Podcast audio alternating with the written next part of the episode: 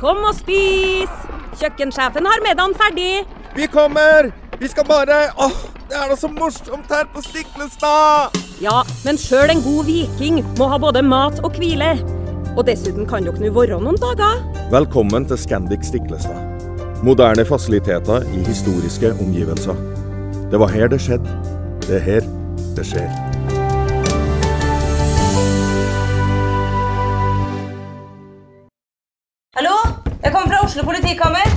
Ine Jansen er purk. Er du purk? The motherfucking bitch. Alt jeg vil, er å finne ut hva som skjedde med mannen min. Jon Carew. Er jeg sikta for noe? Iben Akeli. Det er du.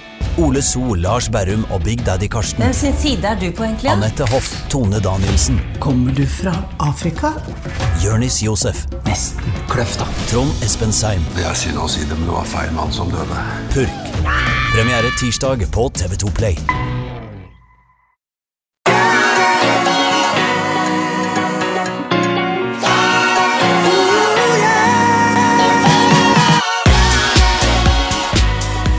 Velkommen til en ny episode av eh, Hjernesterk. Eh, Det er, eh, det er helg, Ole Petter, og du har kanskje vært ute og sykla i dag, sånn som jeg har gjort, eller var det ikke så?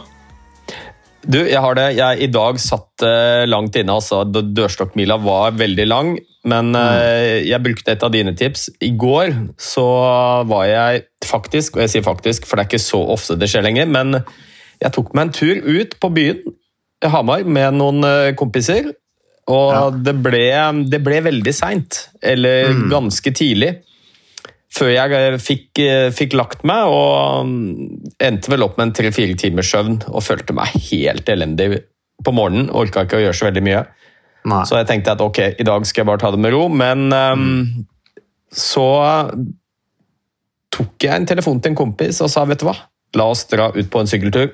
Kom meg ut på sykkeltur, og det føltes ikke noe spesielt eh, godt å begynne med, men uh, det løsna underveis, altså. Og følte meg uendelig mye bedre etterpå. Uh, Jeg var litt usikker på om jeg skulle ta opp Jeg visste jo at du hadde vært på byen uh, i natt. Uh, og det er jo eh, flott at det er liv på byen, og det er jo litt inspirerende å ta seg en tur ut og treffe folk. Og man trenger jo det en gang iblant.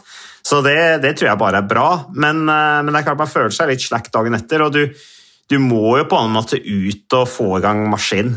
Eh, Det gjør, du. det gjør jeg i hvert fall med fysisk trening. altså Uansett hvor seint og eventuelt hvor mye jeg har drukket, så må jeg liksom bare trene dagen etter. og det er jo ikke, Du føler deg jo helt forferdelig, men er, du, er, du er litt bedre etterpå. da, Det er jo det som er hele poenget. Så, Ja, så bra, bra jobba, Ole Petter. Jeg tror Hovedpoenget her er jo kanskje at eh, det er de dagene hvor dørstokkmila blir aller lengst, og hvor du kanskje er minst fristet til å, å ta den eh, treningsøkten du, du vet er bra for deg. Det er da gevinsten er størst òg. Mm. Så um, det er det, er jo riktig. noe å ta med seg. Det er helt riktig, Ole Petter. Nei, men det har vi jo snakka mye om. Så jo verre dagen er, jo bedre effekt har treninga. Det tror jeg vi kan konkludere med. Så, så, så bra jobba av deg. Du, Ole Petter, vi, eh, vi har jo en del eh, Vi har jo noen lyttere, har jeg inntrykk av, da, uten at jeg vet det helt sikkert, men vi har fått noen meldinger fra lyttere som ønsker å jobbe mer med folkehelse, f.eks. Eh, Vi har lyttere som ønsker å motivere barna sine. Vi har snakket om eh, foreldre som har et eh, litt sånn vanskelig forhold til barna sine, som er bekymret for barna sine. Vi har snakket, eller hørt, fått meldinger fra folk som på en måte ønsker å hjelpe andre, da, som generelt sett har troa på fysisk aktivitet, er selv bevisst gevinsten av det, er motivert, har erfaring med hvor bra det er, og så ønsker å hjelpe andre. Eh, Og så tenkte jeg at Det er et sånn stort spørsmål, fordi at eh, helsevesenet Du har jo brukt uttrykket sykevesenet om helsevesenet, at på en måte vi er gode på å reparere, men ikke så gode til å forebygge. Um, og jeg syns det er litt interessant også basert på nå, Jeg snakker stadig om den podkasten vi hadde med Egil Borghild Martinsen, eh, hvor han snakker om Modum Bad. Nå er jo Egil dessverre død, men han snakket jo om liksom dette her med institusjonslivet, hvor, hvor eh, inaktivt det kan være, eh, og at man på en måte er avhengig av at ledelsen har troa på fysisk aktivitet. Så jeg har snakket da med Jeg tenkte jeg skulle ringe da til to jeg kjenner godt, som har jobbet på Modum Bad, eh, også jobber på Frisklivssentralen Dette er jo folk som kommer fra Modum, så jeg er litt sånn heldig at jeg på en måte kjenner de fra mitt eget lokalmiljø.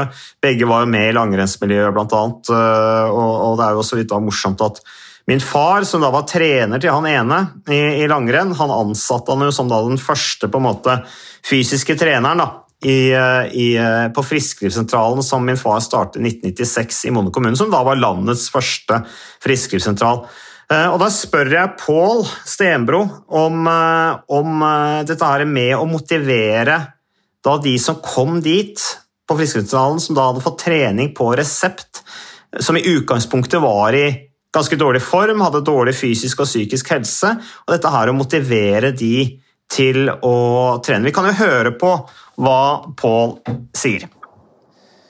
Pål Stenbro, du har, eh, du har lang erfaring med å hjelpe folk i bedre fysisk form, folk som gjerne sliter med, med dårlig, generelt dårlig helse, både fysisk og psykisk. Du var vel den første som begynte å jobbe på Frisklivssentralen i Modum kommune i 1996, stemmer det, eller?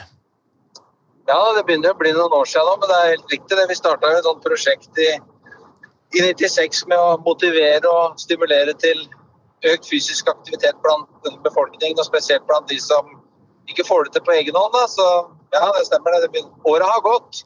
Trening på resept. Ja. Så, ja, det var en av de greiene vi begynte med. Stemmer det. Men Pål, ehm, du har jo lang erfaring eh, og, jobber jo fremdeles med, med helse. Men eh, hva, er de største utfordringene med å få altså hjelpe folk i gang, få dem til å forstå sitt eget beste da, med, med de gevinstene som kommer fra fysioterapeut? hvilke, hvilke utfordringer møtte du når du starta i den jobben? Ja, nei, Du møter jo for så vidt de samme tinga ennå. Altså. De fleste vet jo at jeg burde vært mer fysisk aktiv og gjort sånn og sånn. Og så er det det at det, det er jo så, såpass tøft i starten. så de, De første ukene er jo tunge når du skal komme i gang. Og Da er det lett å slutte før du på en måte merker effekten av hvor godt det gjør deg. da, så, så du, liksom, du, må, du må holde deg i gang såpass lenge at ja, nå har kroppen begynt å respondere, og da føler jeg at ja, nå er jeg jo piggere enn jeg var for en måned siden. Men det, de mange liksom detter av før det. da, Det tror jeg kanskje er den, det vanskeligste å holde ut lenge nok til å få følbar effekt på, på kroppen. Mm. Men hva er, de, hva er de vanligste årsakene til at folk detter av, da? Ja, altså, jeg, tror, eh, jeg tror også sånn tidsgreie er, er, er, eh, er en utfordring. At har, jeg har ikke tid til å gjøre det. Så ok, du kan tenke at ja, vi har 24 timer i døgnet og 48 halvtimer eller noe sånt. Eh, hvis du hadde klart å få til en, en halvtime annenhver dag f.eks., så kanskje man blir for ambisiøs. Man skal, tror at man må trene en hel time. Mm. Uh, og så er det jo sånn at uh, litt er bedre enn ingenting.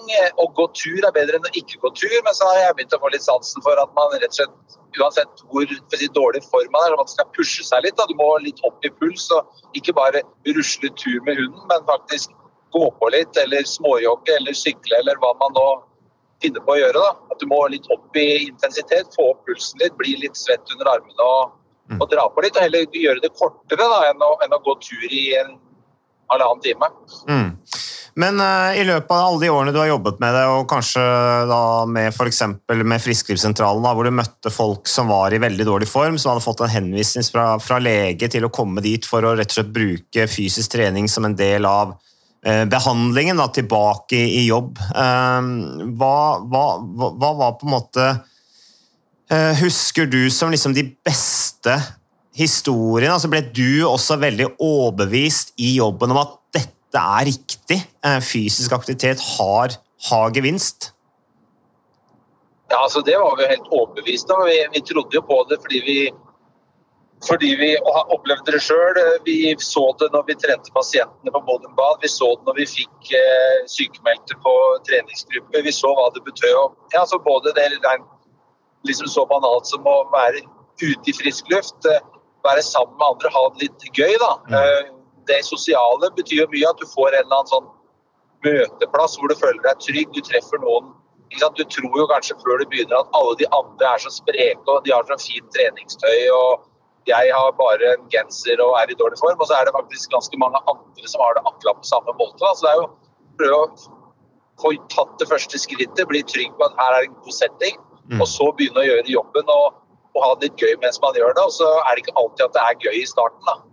Nei. Nei, så her er det, Nøkkelen er å på en måte finne et miljø da, som er litt tilpassa ditt nivå.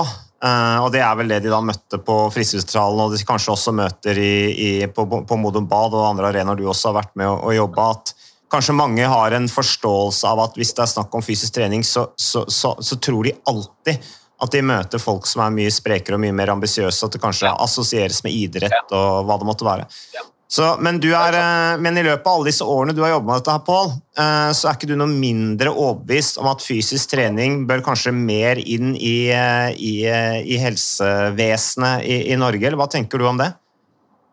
Jo, altså det er jo overbevist. Nå jobber jeg jo med leder på en stor rehabiliteringsinstitusjon. og Vi på en måte kjører jo de, de samme prinsippene på relativt dårlige pasienter, enten det er kolspasienter, hjertepasienter, muskelsmertepasienter, opp i kanskje 70-80 år. ikke sant? Kjører samme prinsippene, men da på dems nivå, men pusher puls og får jo veldig gode forbedringer på funksjonsnivå. Jeg klarer å gå trappa på egen hånd, klarer å reise seg sjøl. Så jeg, jeg blir jo mer og mer overbevist om hvor viktig det er. Og det er jo viktigere jo eldre hver og en av oss blir. For det er klart du klarer deg når du er i dårlig form når du er 30-35 år, men det er klart er du i dårlig form når du er 60, så, så går du vesentlig lavere funksjonsnivå. Da. Folk kan kanskje ikke gjøre mange av de tingene du har lyst til å drive med. Mm. Så nei, det er jeg overbevist om, og det finnes jo mer og mer. For 25 år siden så var det jo noe studier på hva det betød, men det kom jo mer og mer av det, og også opp mot helt konkrete sykdoms...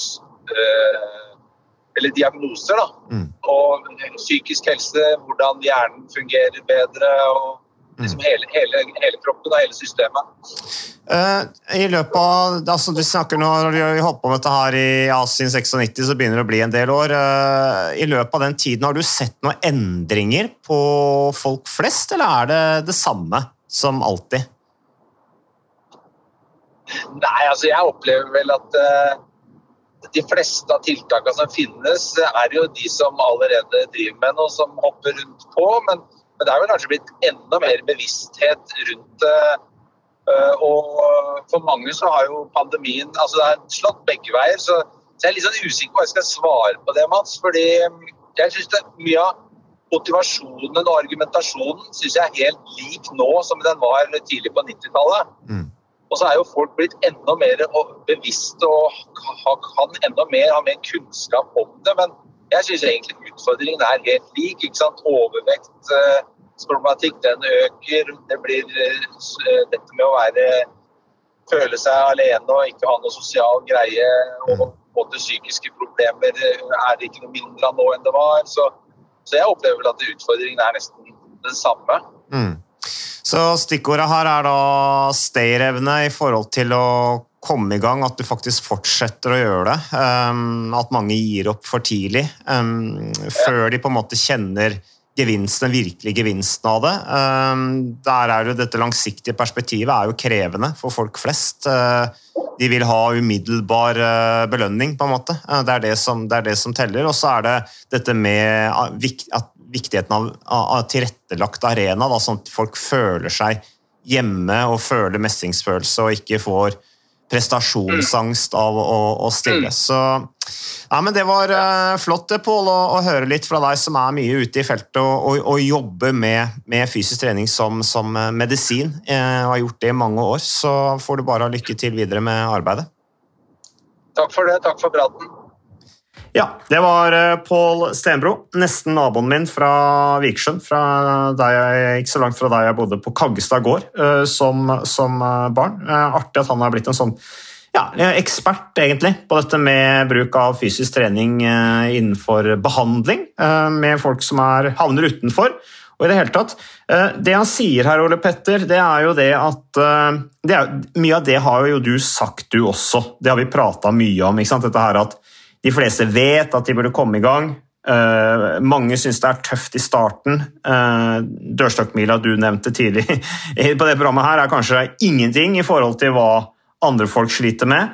Uh, og dette her at mange slutter før de får resultater. Eh, og det Paul sier at det er, liksom, det er viktig å kjenne på stayerevnen, slik at de får på en måte tid til å skape en effekt. Da. Tid til å bygge seg opp, tid til å kjenne på det, få den erfaringen. Det er vel noe som du kjenner deg igjen i.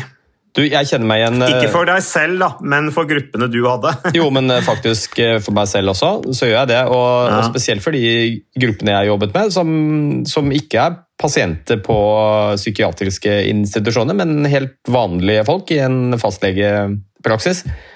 Og, mm. og det er noen elementer her som jeg tror er helt essensielle. For eh, hvis vi skal få flere til å bevege seg litt, for helsa skyld og livskvalitet og folkehelse og samfunnsøkonomi til og med. Og, og mm. jeg tror kanskje noe av det aller viktigste som vi eh, glemmer litt, det er dette med det sosiale aspektet. Det skjønte jeg ganske fort, at uh, hos de pasientene jeg, eh, trente med, så var det det sosiale aspektet som faktisk var viktigst for dem. Treningen var en slags bivirkning. De ble glad i å mm. trene etter hvert også, men det som virkelig fikk dem til å møte opp, og ville møte opp, det var å, å, være sosiale sammen med mennesker de trivdes med. Så mm. Det tror jeg er en av de mest effektive verktøyene for å overvinne dørstokkmila eh, på mange nivåer. Det er å, å, gjøre en avtale med noen, gjøre det sammen med, med noen andre. Det blir mer mm. forpliktende, det er ikke så lett. Da, da møter du opp. Og um, du får en ekstra treningsgevinst også, faktisk, ved at du er sosial sammen med andre. Så um, det elementet mm. kjenner jeg veldig godt igjen i. Meg uh, igjen i. Mm. Eh, mm. og så er det jo mye annet her også, at det må være lav terskel. Det må være ting vi uh, faktisk trives litt med og føler at vi får til. Det er mestringsfølelsen.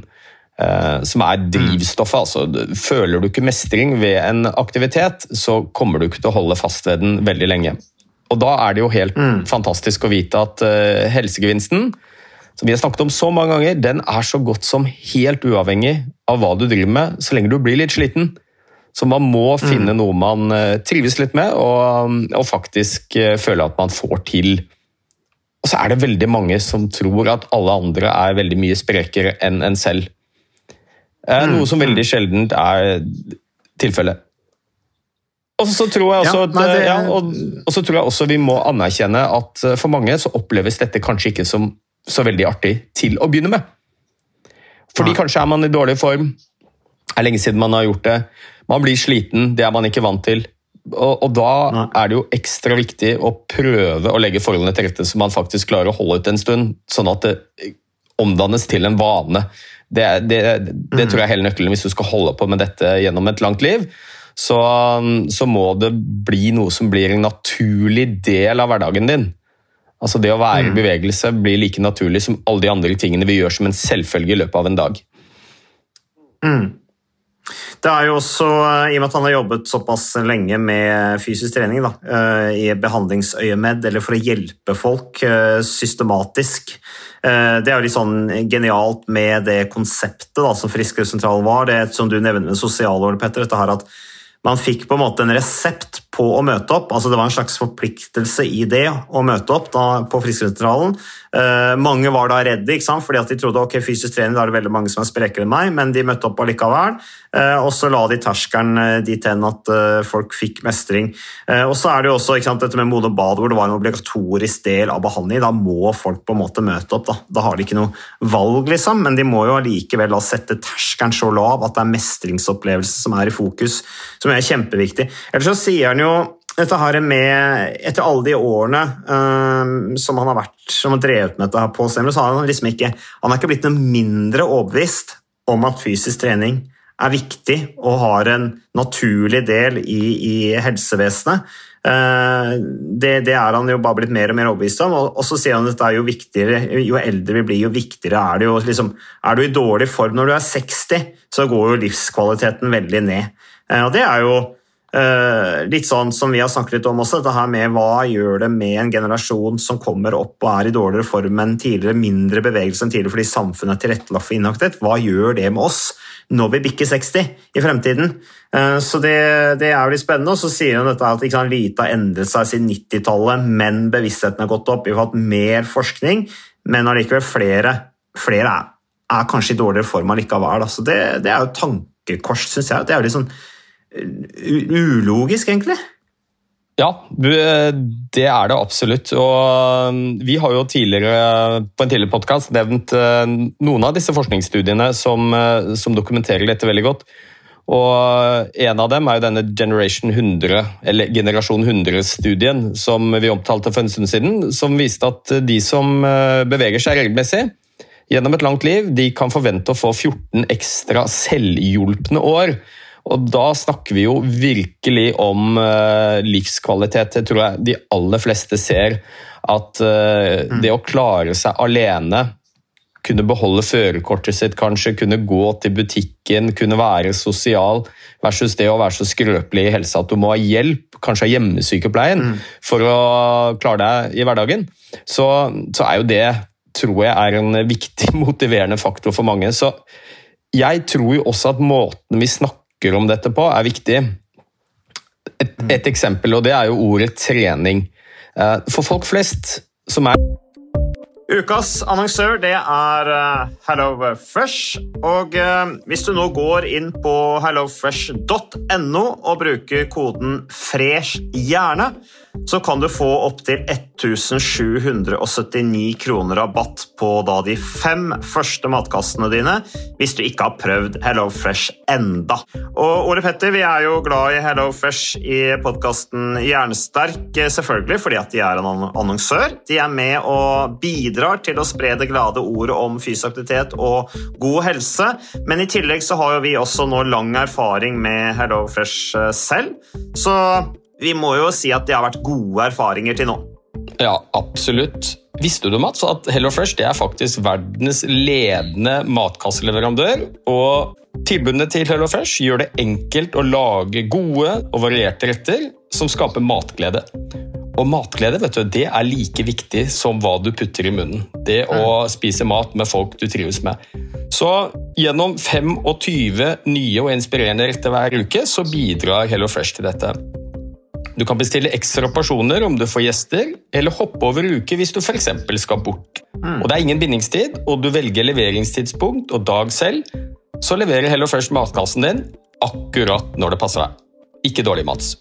Nei, det er veldig bra. Så, øh, og dette er med enklere hverdag, det kan jeg nå skrive under på. For nå, forrige erfaring vi hadde forrige uke, Ole Petter, det syns jeg var Det var jo et gjennombrudd øh, for familien Kaggestad. For da lagde rett og slett barna De lagde middag og serverte middagen, så den var ferdig laget og servert da når eh, min kone Marita og meg kom hjem fra jobb. Og jeg mener Det var jo bare helt utrolig. Eh, Det var helt fantastisk. Det ble en nydelig middag. Riktignok de, de, de, de roter og søler litt, det gjør de. Så, men, men maten ble veldig god. De var veldig stolte over å kunne å ha både laget og servert maten, så det var helt fantastisk. Så vi har jo da i siste så har vi eh, spist eh, bl.a. sitron- og dillstekt hyse med ovnsbakte grønnsaker og aioli. Eh, Vi har spist middelhavsinspirert kylling. Taco, så finnes det mange ulike typer taco. F.eks. vietnamesisk taco, som vi har spist. Thailandsk vegetargryte. Veldig riktig og sunt eh, i dagens eh, samfunn med, med fokus på bærekraft. Hvitløk og chilistekte reker i spagetti, det var definitivt en vinner. Så eh, det er så flott. Du får rimelig mat ved at du kun betaler for det du trenger, så det blir ordentlig feststemning med Hello Fresh. Det gjør det, og nå er det bare for deg å gå inn på hellofresh.no og bruk koden FRESH hjerne. Da får du opptil 1779 kroner rabatt på de første fem matkassene dine, hvis du ikke allerede har prøvd HelloFresh. Du kan også bruke rabattkoden hvis du har stoppet abonnementet ditt for tolv måneder siden eller mer. Er det noe å lure på? Håper maten smaker godt. Bon appétit! Inaktive, og som kanskje har et ønske om å, å komme i litt bedre form, ha, få bedre livskvalitet, hverdagsfunksjon, så tror jeg ikke vi skal bruke ordet trening, men heller ordet bevegelse. Aktivitet. Det er mye mindre betent. eh, Og for veldig mange av, eh, av disse så føler ikke de at trening er noe for dem. Det er for de som er godt trent og trener systematisk mot et eller annet. Eh, Så det er det ene, at vi kanskje unngår å bruke ordet trening. Og det andre er jo å snakke om hvorfor dette er viktig. Eh, Og det har jeg sagt mange ganger, at vi har en tendens til å snakke om alle de fæle tingene som kan skje hvis vi ikke beveger oss. Risiko for sykdommer og alt dette som inntreffer litt eh, fram i tid. Eh, Ha heller et fokus på, mm, på de umiddelbare gevinstene vi får når vi er i bevegelse, som vi faktisk er genetisk kodet til å få. Bedre humør, konsentrasjon, oppmerksomhet og alt dette. Og, og kanskje heller snakke om livskvalitet og hverdagsfunksjon istedenfor å snakke om å komme i god form for å unngå å bli syk. Mm, mm. Det er gode poeng. Um, Ole Petter, jeg var jo litt sånn på telefonen her om dagen, så jeg ringte også til Bjørnar Johannessen, uh, som også har jobbet mange år på Modum Bad. og Det som er litt artig med Bjørnar, er at han jobbet først da med, med fysisk trening, eh, som jo er obligatorisk, Modum Bad, eh, trente pasienter, og så gikk han over på da dette her eh, delen av Modum Bad som handler om kost, altså ernæring, for det er jo mange med spiseforstyrrelser som er innlagt på, på Modum Bad. Og så har han jobbet i fengsel eh, med å hjelpe innsatte med fysisk eh, trening. Eh, Og Det er interessant det han sier om forskjellen mellom innsatte på fengsel og pasienter innenfor psykiatrien når det gjelder motivasjon. Så vi kan høre hva Bjørnar Johannessen fra Modum sier om sine erfaringer på det. Bjørnar eh, Johannessen, du, eh, du har også lang erfaring med, med bruk av eh, fysisk trening innenfor eh, ja, institusjonslivet. Litt forskjellige institusjoner. Du har jobba både på Modum Bad og eh, i fengsel, i fengselsvesenet, og nå jobber du på eh, Ullevål. Og, eh, Bjørnar, eh, du har jo da møtt mye forskjellige mennesker med ulike historier. Eh, Mange av de som eh, sliter med, med både dårlig fysisk og psykisk helse. Eh, Og hvordan motiverer man en person som åpenbart har godt av å komme i gang med fysisk trening, som er i dårlig fysisk form, som kanskje ikke har lyst til det, kanskje ikke helt skjønner greia med det? Hva, hva er dine tips der? Ja, det er et godt spørsmål. Eh, eh, hvis jeg skal Først må jeg liksom prøve å sette seg inn i uh, situasjonen til pasienten. og Veldig mange av de bruker jo det med å isolere seg som en, uh, som en mestringsmekanisme for tunge tanker og følelser. Og så blir inaktiviteten etter hvert også et stort problem, fordi for den fysiske formen blir eh, dårlig, og det er vanskelig å komme i gang igjen. Uh, Og spesielt vanskelig når det er vanskelig å vise seg i samfunnet. Så det, det er i hvert fall en sånn kjensgjerning. Og, og um, min erfaring er at, uh, at uh, ha kompetanse uh, på, uh, på hva som skal til for å komme i gang. Og ikke minst uh, vise at uh, normal fysisk aktivitet også kan være veldig god trening for disse uh, pasientene. Det må liksom ikke være fire ganger fire knallharde intervall som gjør at fysisk, altså, du føler at du blir kjempesliten hver gang du skal ut og være i aktivitet. Så jeg- vi har hatt eh, fokus på det å ha normal fysisk aktivitet. og Kanskje starte med så enkle ting som det å gå, eller trene lett styrke. Gjerne gjøre ting som du sjøl trives med. Mm. Det er lett å tenke at alle må, alle må gå, eller alle må løpe, eller alle må gå på ski.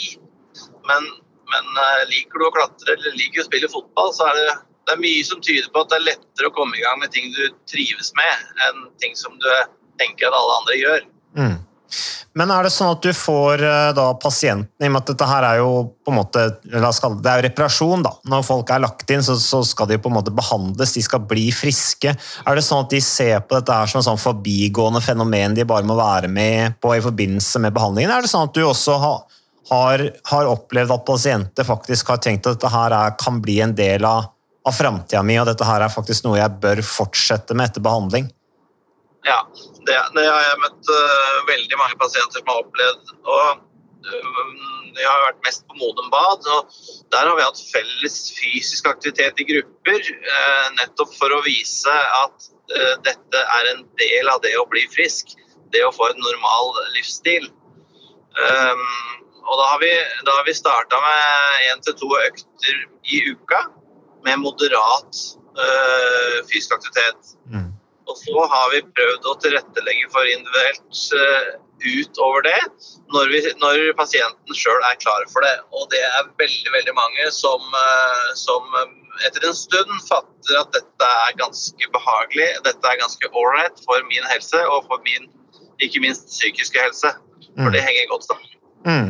Så de, de klarer å opparbeide altså de, de får den erfaringen og bevisstgjøringen da på Modum Bad som gjør at de kan at de, de får en oppvåkning, at de forstår at dette her er noe de har godt av å gjøre resten, altså også utenfor eh, når de er ferdig med, med, med behandlingsperioden. Ja, og for veldig mange av pasientene så handler det om å, å prøve ut en endring og kjenne at endringen gir effekt. Og, eh, og du veit jo du, Mats, som, eh, som har vært borti dette her før, at endring tar tid. Det er ikke gjort over, eh, over natta. Du må, du må, ha prøvd ut uh, et nytt med, handlingsmønster før det setter seg i kroppen. Og det, Der tror jeg det er en styrke, og i hvert fall under innleggelse, at, at dette er en obligatorisk del av programmet. Mm. Og, så, og, så, vil kroppen etter hvert uh, kjenne at dette her gjør godt for meg. Det er litt interessant eh, Bjørnar, at du altså fra Modum Bad, hvor det på en måte er en sterk, eh, i hvert fall har vært en etablert sterk kultur eh, for fysisk trening som del av behandlingstilbudet, pionerarbeid som har vært revet der, som du har vært med på å drive også. og så jobber du med det i fengselsvesenet, men altså når du da treffer f.eks. en innsatt, det kan for så vidt være både en innsatt og en pasient, men de, de, er kanskje Du sier dette med isolasjon, at det er en mestring i å, å, isolere seg i forhold til de utfordringene de opplever i livet. Men, men er det sånn at, de, at, det krever mye overbevisning for å få de til å få, ha tro på at dette kan være med å hjelpe de i forhold til psykiske lidelser eller psykiske utfordringer? Ja, det er det tar, det tar, tid å, å, snu det. Men det er forskjell på uh, innsatte i fengsler og, uh, og uh, pasienter på Modum Bad. Innsatte i fengsler de, de er veldig ofte isolert som en del av det å være innsatt. Så for dem så er det kjærkomst helt opp å komme ut. kanskje en time om dagen. Og da å kunne bruke fysisk aktivitet og faktisk bli litt varm, svett, litt sliten, det gjør at man sover bedre også. ikke sant? Det blir mm. en, det blir en, eh, en pause i, eh, i, isolasjonen også. Mm. Så det er, det er, ikke bare en selvpålagt isolasjon, men det er også en pålagt isolasjon. Mm. Mens eh, i psykiatrien så er, eh, så er, det å ikke vise seg Eller kan i hvert fall være, da. Altså selvisolasjon sånn sett. Være, være en måte å ikke vise at jeg har det vanskelig eller jeg jeg er depressiv eller jeg har, har angst, mm. så velger man å ikke vise seg i samfunnet. Og Da er det en litt større terskel å få snudd den trenden. fordi at Skal du være fysisk aktiv, så må du enten gjøre det hjemme, da. Mm. Eller så må du komme deg ut der det er andre mennesker og det er fare for å treffe noen. Mm. Det er min erfaring at det å komme seg ut, øh, vise at jeg også kan, å lage aktivitet som en mestringsarena, det er, øh, det er mye å hente på, da. Mm. Mm. Um, det er jo, eh, det er jo sikkert en Vi har noen lyttere som uh, jobber som personlige trenere, som er veldig engasjert i fysioaktivitet, som ønsker å bidra til å spre det glade budskap til folk de kjenner, uh, familie osv. Hva, hva er de tips til lyttere som, uh, som har lyst til å Som ser at her er det behov for en, en venn eller kjær å, å komme i gang. Um, hvilke tips ville du gitt de i forhold til å tatt den praten? Da tenker jeg at Det aller viktigste er å komme, også skape en relasjon. Um, og, og, selge inn et budskap om at dette, dette, kan gjøre bra for både deg og meg. Være en, være en støtte, være en venn. Og, og prøve å sammen finne ut hvilke arenaer kunne vi tenke oss å begynne på.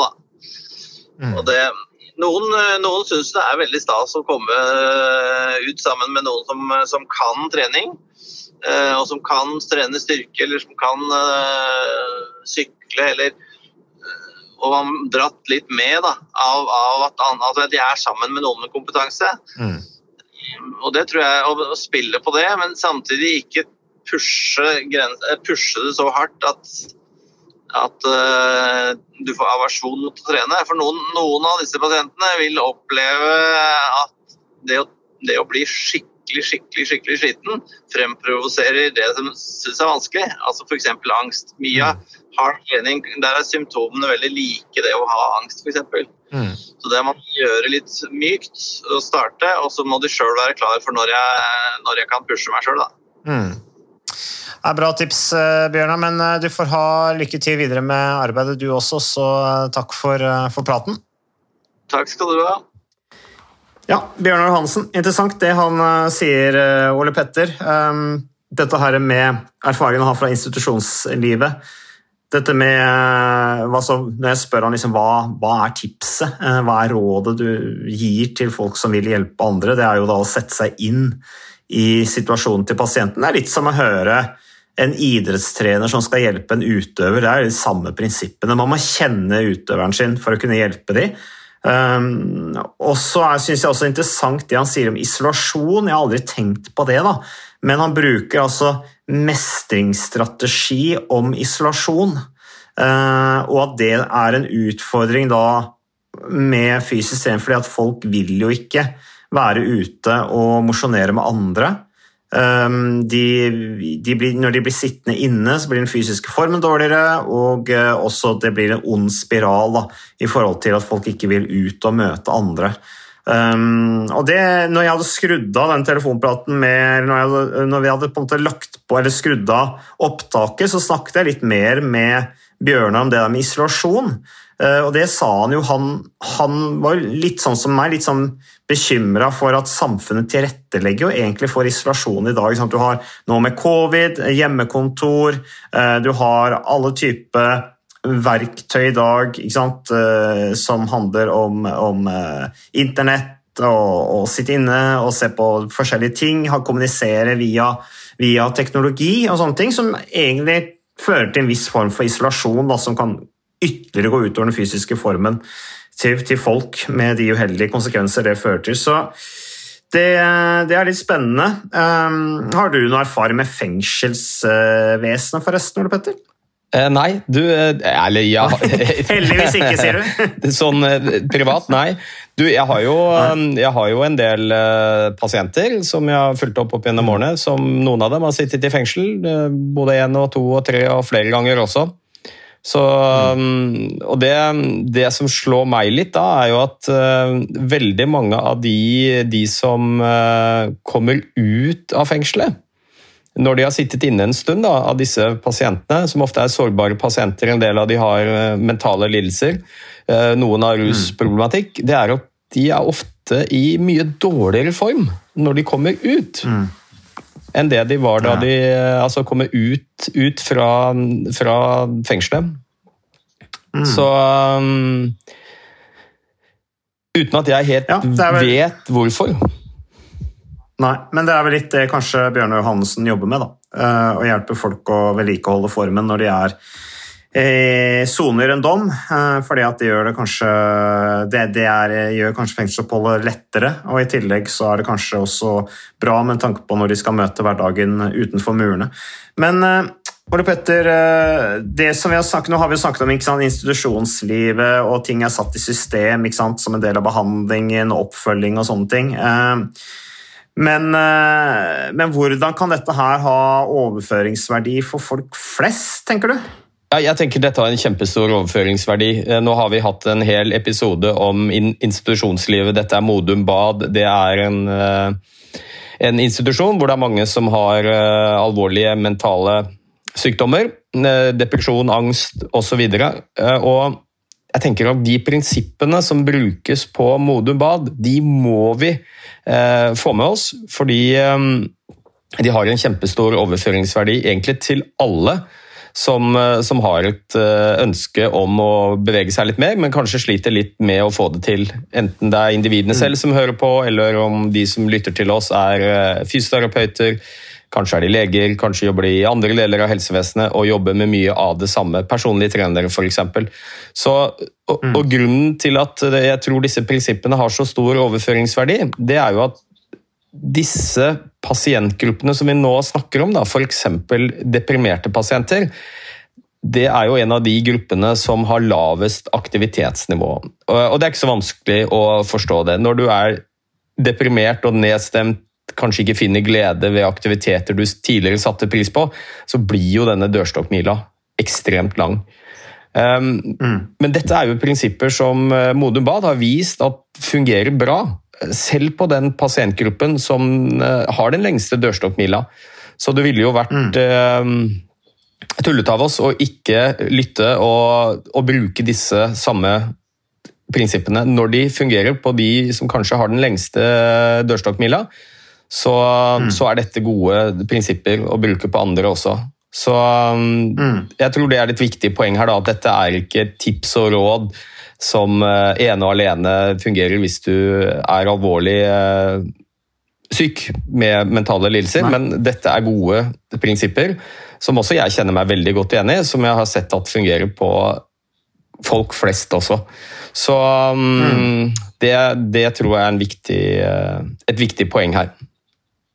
Ja, og så fungerer det på oss selv òg. Altså, Vi har jo også snakket om det at vi kan ha tunge dager. Du hadde din tunge dag i dag, Ole Petter, men du kom deg ut, følte deg bedre etterpå. Eh, når jeg har tunge dager, så, så er fysisk treninga enda viktigere for meg. Um, men, men, man trenger ikke å gjøre så mye, men komme seg ut, få mestring gjennom det. Man føler seg litt annerledes etterpå, man tenker kanskje litt annerledes. Man har sortert tankene når man har vært ute i frisk luft, eh, kanskje vært ute i solskinn og deilig vær. Endret litt holdning til ting. Blitt litt mer offensiv. Det er på en måte det man gjør når man drar ut og trener, istedenfor å sitte inne og gruble. Eh, da, ikke, da, er det vanskelig å bryte tankerekka. Det er i hvert fall en utrolig effektiv måte å bryte negative tankerekker på ved å dra ut og mosjonere, rett og slett. Så, så det. Men eh, Ole Petter, du vil helt sikkert si noe mer før vi, eh, før vi legger på, på, eller? Ja, jeg har lyst til å si at uh, jeg syns det er helt fantastisk at uh, Modum Bad har i mange, mange tiår vært en sånn frontfigur da, når det gjelder trening som medisin, og det er godt dokumentert at det har en fantastisk effekt på, på helsa til, til pasientene som er der. Og jeg undres jo hvorfor ikke flere bruker dette. Et så enkelt verktøy relativt rimelig sammenlignet med veldig mye annen behandling vi driver med i helsevesenet. Så dette er jo ikke um, verktøy som først og fremst bare kan brukes i psykiatrien. Jeg, jeg kommer knapt på en eneste gruppe pasienter i, i, helsevesenet eller sykevesenet vårt som ikke ville hatt nytte av disse enkle verktøyene. Litt mer bevegelse inn i hverdagen. Så jeg, jeg mm. syns jo det er veldig rart at vi i dag, 2022, hvor det er ekstremt godt dokumentert effekten av eh, bevegelse på så godt som alle, at vi ikke tar dette i mm. bruk i større grad enn det vi faktisk gjør. Mm, mm. Ja, nei, det er eh, helt klart. Eh, også til noe av det han sier til slutt der, da, Bjørnar, som eh, vi selvfølgelig er helt enig i. Det er viktig å skape en relasjon. altså Hvis du vil hjelpe en annen som du ser går litt nedover med, eh, som kanskje er i ferd med å isolere seg, du ser at formen blir dårligere, du vet at de kanskje er er deprimerte osv., eller begynner å bli deprimerte, være en støtte og en venn. Eh, og det, da, det der å kanskje bare invitere dem med ut på en gåtur det er starten. Snakke med de om det.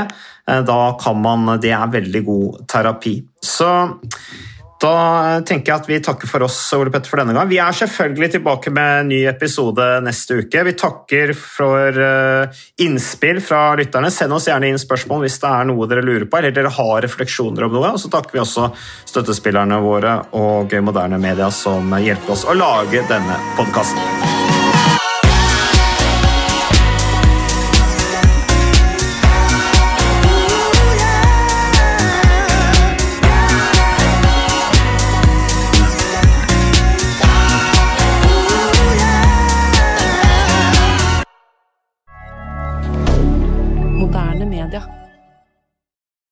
Har du et enkeltpersonforetak eller en liten bedrift? Da er du sikkert lei av å høre meg snakke om hvor enkelt det er med kvitteringer og bilag i fiken, så vi eh, gir oss her, vi. Fordi vi liker enkelt. Fiken superenkelt regnskap.